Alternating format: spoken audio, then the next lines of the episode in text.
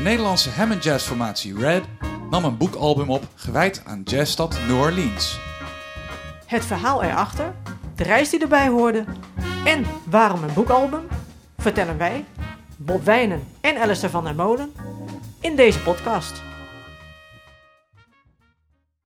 Naast mij zit medebandleider Bob Wijnen. Hij speelt niet alleen te gek orgel, hij speelt ook supergoed piano. Vandaar ook dat hij les geeft op de jazzafdeling van het Koninklijk Conservatorium in Den Haag. Een zinloos detail, maar toch leuk om te weten. Ondanks zijn visuele beperking heeft hij als hobby fotografie. Alistair van der Molen is een van de weinige jazztrompetisten die ons land telt. Ze onderneemt een heel scala aan projecten, zowel solo als in de big band en Latin wereld. Zo stond ze op het North Sea Jazz Festival met haar eigen formatie en met de Braziliaanse Spock Frevo Big Band. Ons eerste concert in deze hoedanigheid was in 2016, naar aanleiding van het Voorburg Jazz Culinaire. Omdat we het heel leuk vonden om daar. Eh, nou, ik ben Voorburger, dus ik vind het sowieso super om in mijn eigen stad te spelen. Maar we vonden het ook wel leuk om uh, wat toegankelijke muziek te spelen. Want we hadden daarvoor een project gedaan waarbij we de muziek van een bepaald album naspeelden. En dat was nogal intellectuele muziek. Die muziek uh, is van de plaat Unity. Te gekke Blue Note plaat van Larry Young met Joe Henderson op sax. Woody Shaw. Jouw grote held. Of een van jouw grote helden. El Jones op drums. Joe Henderson. Joe Henderson op de tenor. En Larry Young op orgel. En dat is voor mij dan een grote held. Want Larry Young is eigenlijk een beetje de grote voorloper van Larry Goldings. Die in het trio van Peter Burns en deels door orgel speelt. En um, dat is allemaal iets subtieler dan de onvermijdelijke Jimmy Smith. Die je normaal als Hammond-organist. Ah, daar luister ik ook heel veel naar. Maar wat, is dan het wat, wat heeft Jimmy Smith dat Larry Young niet heeft? Nou, Jimmy Smith heeft heel veel blues. En wat heeft Larry Young dat Jimmy Smith niet heeft? Uh, Larry Young heeft wat, wat, ja, wat fijnzinnige lijnen. Het is allemaal iets, ja, ja zo je wilt, intellectueel. Ander geluid ook. Hij uh, gaat niet bijvoorbeeld keihard met de Leslie uh, op volle snelheid aan de haal. Heel andere zang. En zo'n Leslie, wat doet dat met het geluid? Ja, zonder nou al te nerdy te worden. Het zijn eigenlijk twee speakers met twee propellers. En die propellers die slingeren het geluid als het ware rond. Dat kan langzaam en dat kan snel. Als die langzaam staat, dan valt het effect nog wel mee. Maar als je hem gaat versnellen, ja, dan verhoogt dat enorm de intensiteit van de... Dus het is een soort van opzwepend effect. Nogal. Dus uh, als Larry Young dat weglaat, dan is dat een beetje cool. Ja, het is, ja noem het zelfs onderkoeld. En Jimmy Smith, dat is meer opzwepend. Ja, absoluut. En uh, Jack McDuff en Groove Holmes. Dat soort organisten. Ja, die, die, laten dat Hammond orgel veel meer ronken en, en, en, en knallen. En uh, zo'n zo, zo, zo Hammond is, ja, ik vind het echt een beest van een instrument. Je voelt je ook echt kapitein op een schip achter zo'n I'll do anything you want me to. Ain't that love? Ain't that love? We hebben toen op dat festival gespeeld. We hebben een duidelijke keuze gemaakt dat wij feestelijke muziek wilden. En dat we echt opzwepend wilden zijn. Maar wel met diezelfde bezetting zoals uh, Larry Young op die plaat. Dus geen gitaar, maar wel twee blazers. Voorbeeld Jazz Culinaire, daar wordt gegeten. En daar zijn uh, heel veel gezellige mensen. En die hebben een hartstikke leuke uh, avond. En met z'n allen buiten. En er is heerlijke wijn. Uh, dan wil je wel meer vanuit uh, de heup schieten. En we hebben toen op dat festival hadden we toch al een beetje een idee dat we dat vaker wilden doen. We hebben meteen een uh, videoregistratie laten maken. Maar al heel snel daarna wilden we ook graag een album maken. Dus we hebben toen een album opgenomen met allemaal eigen stukken. En we hebben dat toen opgenomen in de, in de studio uh, van Marius Beets. Ja, weet je nog dat het onwijs warm was? Ja, niet te doen. Was niet te doen. En, en geen airco en dan met z'n allen die Hammond binnendragen. Ja, want uh, jij hebt zo'n grote Hammond A100, maar dat ding is niet te tillen. Hoeveel weegt die ook alweer? Dat, ding weegt 160 kilo. die Leslie speaker een eh, veertje daarbij, want die is maar 60 kilo. Dan is eh, inderdaad zo'n trompet een stuk lichter. Ehm, naast trompet gebruik jij ook veel de bugel en heb jij zelfs een hashtag vlugelpower die je vaak gebruikt. Ja. Wat is voor jou het verschil tussen die, tussen die twee instrumenten en hoe zet je ze in in Red?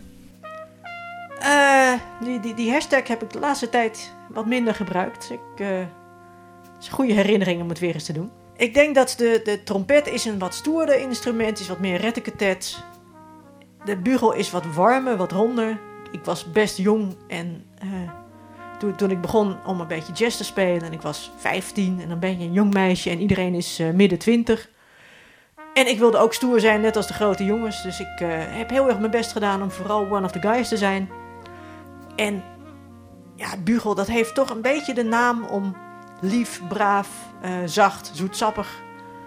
Al dat soort dingen te zijn. Dus ik heb eigenlijk altijd trompet gespeeld. Maar vanaf het moment dat er dan af en toe een big band project kwam en ik moest ook bugel spelen, dan leende ik de oude Schenkelaars. Dat is een Nederlands fabrikaat. Die leende ik dan van mijn collega Victor Borkent. En ik speelde dan die stukken op bugel in de, in de big band. En ik kwam er wel snel achter dat ik daar wel me heel erg op thuis voelde. Dat ik juist heel melodieus kon spelen en dat ik daar eh, dingen op kon die op trompet niet zo snel kwamen. Ik, kreeg ook andere eh, ideeën. En het was allemaal wat makkelijker om dingen ja, lekker te timen of lekker vloeiend te spelen. Maar ik heb dat heel lang nog een beetje. nou, hoe zeg je dat? Ik heb dat heel lang een beetje ontkend voor mezelf. Het heeft ook best lang geduurd voordat ik mijn eigen bugel kocht. Maar in, inmiddels heb, heb ik mijn coming out als bugelspeler gehad. En ik bedoel, kijk naar Ak van Rooyen. Als, als, als er iets een stoere man is, dan is hij het. En hij speelt wel heel mooi op die bugel. Ik denk dat juist als je kiest voor esthetiek, dat het helemaal geen zwaktebod hoeft te zijn. Maar de sound van Red is niet echt lief, braaf, zacht en zoetsappig. Hoe meng je dat dan in dat bandgeluid, die eh bugel? Ik denk dat ik om die reden ook relatief heel weinig bugel speel in deze band. Ik speel het bij de ballads. Ik speel het ook wel eens op plekken dat ik wel iets ronder wil klinken, maar niet per se. eh, bijvoorbeeld Blues My Naughty Sweetie Gives to Me, daar speel ik vaak bugel. En het, het leuke is ook wel, als je dan weer de lijn trekt naar New Orleans. Want in de vroege New Orleans tijd hadden ze natuurlijk helemaal nog geen bugel. Die was nog, nog niet uitgevonden. Maar ze hadden wel een cornet. En cornet is heel erg traditioneel het geluid van New Orleans. En je zou kunnen zeggen dat de bugel de overtreffende trap van de cornet is. Speelde Louis Armstrong daar niet op? Jazeker, jazeker. In het begin was cornet veel meer gebruikt dan trompet. Het is pas, pas later gekomen dat het echt het geluid van de jazz werd. Zeg Bob, ik kan me herinneren dat de eerste keer dat we inderdaad het eh, Unity-project deden, toen hebben we al meteen met Gideon gespeeld. En dat was jouw idee. Vertel eens, hoe zat dat? Eh, volgens mij heb ik met hem gespeeld in Pavlov. Eh, nee, dat is niet waar. Volgens mij speelde ik met Ferdinand Povel in Pavlov. En die heeft Gideon op het podium gevraagd. En het enige wat hij zei was: Deze jongen hoef ik niets meer uit te leggen. Nou ja, ik, eh, ik heb hem in die tijd ook wel eens horen spelen. En echt, nou ja, toen al fantastisch natuurlijk. Dus, eh, maar Gideon doet het best goed op het ogenblik, toch? Ja, hij speelde zich bijvoorbeeld in de kijker bij Winter Marcellus.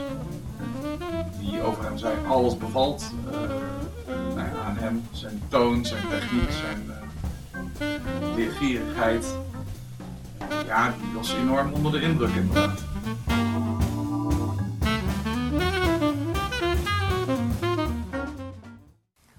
En eh, Wouter, wat, wat weet je over hem? Wouter is een, ook een hele te gekke drummer. Er zijn de laatste tijd sowieso flink wat jonge drummers in Nederland die eh, flink aan de weg aan timmeren zijn en hartstikke goed bezig.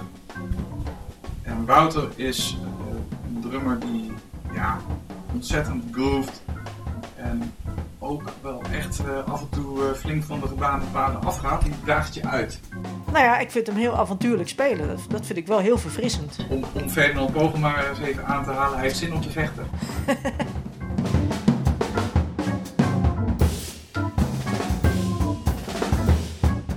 Wouter die zit, eh, is bezig met een studie in New York. Tenminste, dat zou nu zo moeten zijn. Eh, vanwege het hele corona gebeuren is hij op dit moment in Nederland. En als het straks allemaal weer wat beter gaat, dan zal hij ongetwijfeld verder gaan met de studie. Als je nou onze bandsound zou willen definiëren, hoe, hoe, hoe zou je dat nou noemen? Groovy en quirky. we noemen het ook wel uplifting, vibrant, energetic. Ehm, ja, eh, het is heel aanstekelijk, minder uh, vanuit het intellect en wat meer vanuit de heupen en vanuit de groove. En hoe passen die andere twee gasten erbij? Want die zijn een stuk jonger. Uh, we hebben ze niet per se uitgezocht op hun leeftijd, maar waarop eigenlijk wel?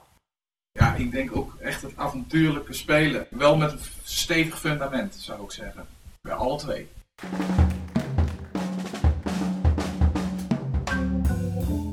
En toen kwam Sound Liaison ze belden op van joh, uh, we hebben een audioviel label.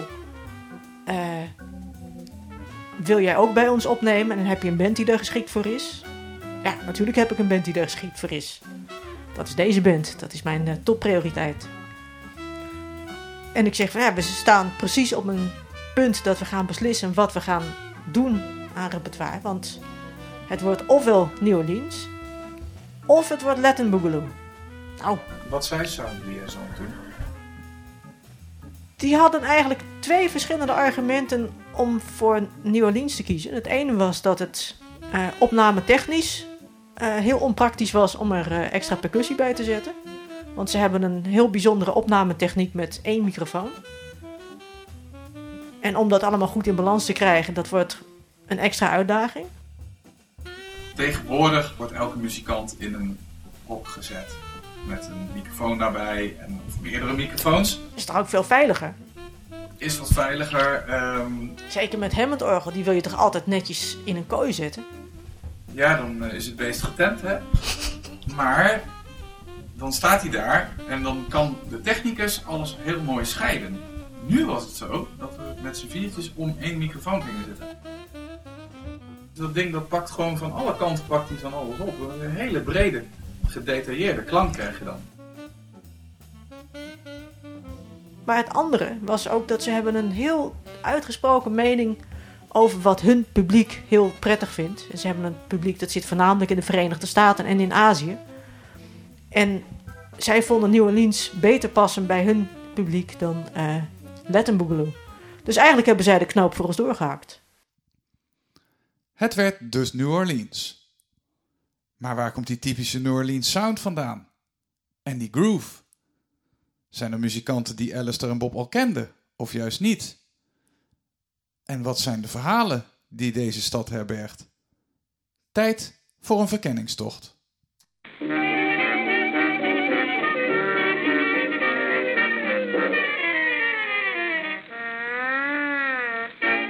Er zijn best, best wel wat complexe vormen. Juist in de New Orleans muziek, in de vroege New Orleans muziek, zijn een soort van uh, fanfarevormen uit de Europese traditie vertaald naar een half geïmproviseerde, in ieder geval naar een verjazzed versie. Dus een intro, een samengestelde vorm waarbij je een intro hebt, een melodie, een tweede melodie en dan een, uh, een zogeheten trio waar iedereen dan uh, over soleert.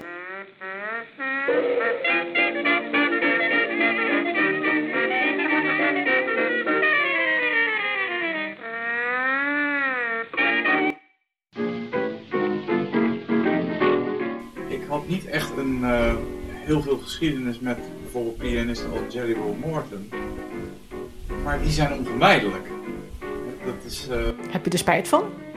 Nee, zeker niet.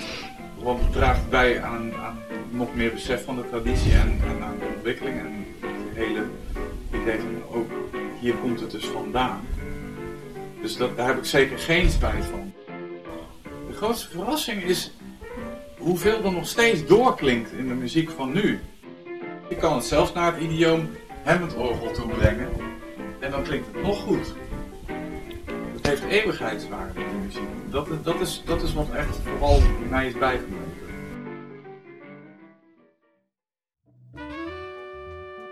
Ik vond dat er wat van de Meters in het repertoire moest. Uh, de Meters is namelijk een New Orleans band waar de Hammond zo in centraal staat dat, dat niet te vermijden is in een Hammond-formatie. Uh, alleen, het is best wel heel veel funky en backbeats. En ik wilde eigenlijk iets uitkiezen dat ik dacht van, hé, hey, dit is even net wat anders dan anders. En zo kwam ik bij een stuk uit van, dat heet Art. Dat zal ongetwijfeld te maken hebben met Art Neville.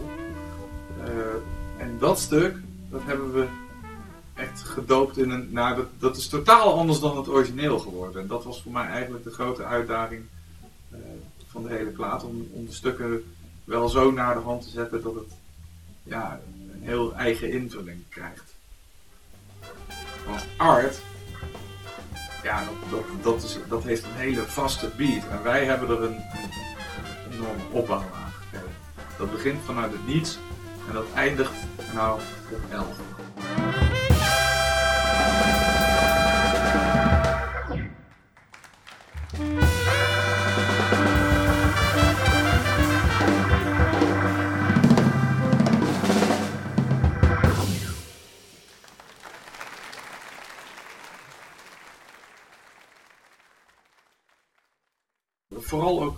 Armstrong ben ik uh, meer gaan luisteren.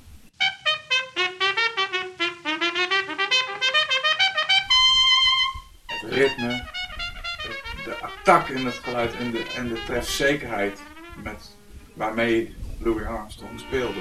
Dit is wat het is. Het is recht in je gezicht. En, en dat, dat staat me ook enorm aan in de muziek. Ik ben op dit moment heel veel naar Earl Hines aan het luisteren. Ja, wat gaaf. Hij speelt met uh, uh, Louis Armstrong in de Hot 5. En dan hebben we het over de eind jaren 20. Maar hij is nog tot diep in de jaren 70 heeft hij gespeeld. Dus die heeft echt een, een enorme carrière nog gehad. En, en ook is hij heel lang ontzettend goed blijven spelen.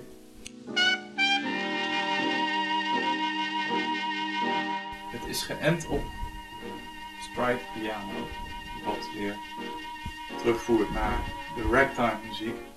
Dat is een enorm in, uh, element in de ontstaansgeschiedenis van de jazz, waar je heel erg beat gespeeld wordt in de linkerhand. Basakkoord, basakkoord. Ah, ah, ah, ah. Maar daarover zit een hele melodische rechterhand. Ik heb vooral een paar ontzettend leuke boeken gevonden. Waaronder dus een boek van uh, Paps Vaster, een van de grondleggers van de bas binnen de New Orleans, maar sowieso binnen de jazzmuziek. Want voor die tijd had je bijna alleen maar blaasbas, tuba's en zo. En hij schrijft in geuren en kleuren over de Rosse buurt, over hoe elke muzikant wel ervan droomde om pooier te zijn. Hij, schrijft, hij, hij schrijft van alles ook over hoe elke gelegenheid, of nou een feest is of een drama of iemand ligt op sterven, bij een waken hoort een koor, uh, bij een feest hoort een jazzband, bij een ander soort feest hoort een strijkje. Je had bands van mensen die alleen maar lazen, je had bands van mensen die alleen maar hot speelden, ofwel die lazen niet. En, je had, en hij kon het allebei. Hij kon en bij die lezende orkesten spelen en hij kon hot spelen. Hij vertelde over de rivierfeesten, over de zelfgeorganiseerde feesten. En dat vond ik ontzettend leuk om over te lezen. En hij vertelde het ook dusdanig juicy dat het ook echt geen straf was. De leider van de band op een gegeven moment was de pooier en hij stond dan te spelen. En uh, zijn meisje, die stond dan het steegje daarachter. En elke keer als ze dan een klant had gehad, dan uh, waste zich, zichzelf in het water uit het wasbekken, dat uh, gooide ze naar buiten. En dan ging ze de straat weer scrollen. Met dat water, waarmee ze zich net had gewassen. En zo pikte ze dan de volgende klant weer op, die hij zag bu buiten bezem. En die dacht, hé, hey, dat is een leuke dame, daar ga ik mee naar binnen. Maar elke keer wist hij dus dat zij net een klant had gehad. Dus hij turfde dan op zijn muzieklessenaar dat zij een klant had gehad. En dan vervolgens, eind van de dag, want die bandleider kon het natuurlijk net niet zien. Dan zei ze, nou, ik heb, het was een slechte dag, ik heb maar vier klanten gehad. Nee, zei hij, het waren zeven. En hij wist het altijd exact. En zij heeft nooit begrepen hoe het nou kwam dat hij precies wist hoeveel klanten ze had gehad.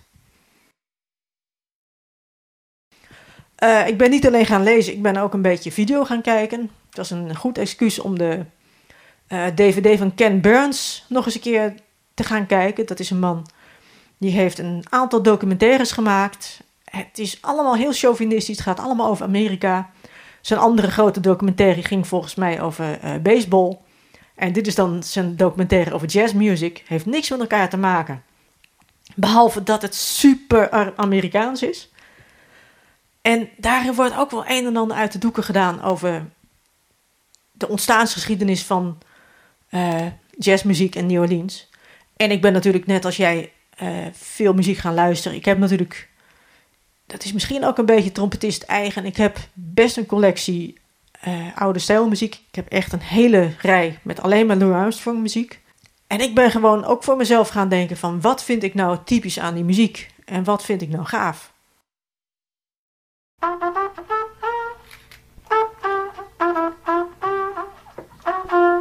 Er is een hele mythe rond Buddy Bolden. Kun je daar iets over vertellen? Hij heeft op een gegeven moment een stuk geschreven, Buddy Bolden's Blues. En dat had een tekst die was zo schunnig dat hij verboden was. En het was zelfs verboden om het liedje te fluiten op straat, daar kon je een boete voor krijgen. Maar die man die was ook, het, het was de eerste man die jazzmuziek speelde. Er is maar één uh, heel slechte foto van hem bekend. Er zijn verder geen opnames. Maar iedereen ziet hem als de grondlegger van de jazz en de eerste die de muziek anders benaderde en die alles veel vrijer speelde. En hij is ook de uitvinder van uh, de Big Four. En dat is iets, misschien kun jij dat beter voorzingen dan ik. Marching bands hadden eigenlijk een heel steady En die Big Four die heeft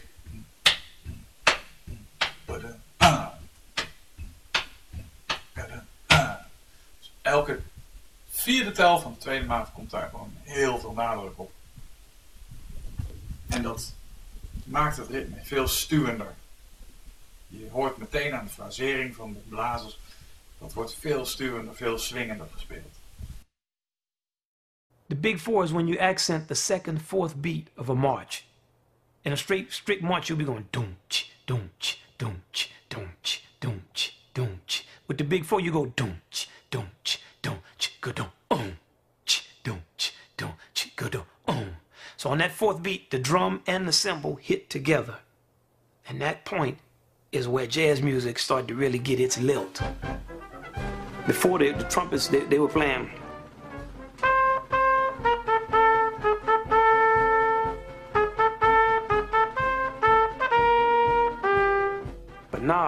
I have the big four. Boom, boom, boom, da-dum, boom, boom, boom, boom, boom, boom, boom. So when I phrase it, I'm gonna make it sound like me, and I'm gonna play with another entire feeling and groove, and use all the different growls and shouts and cries. So now it becomes.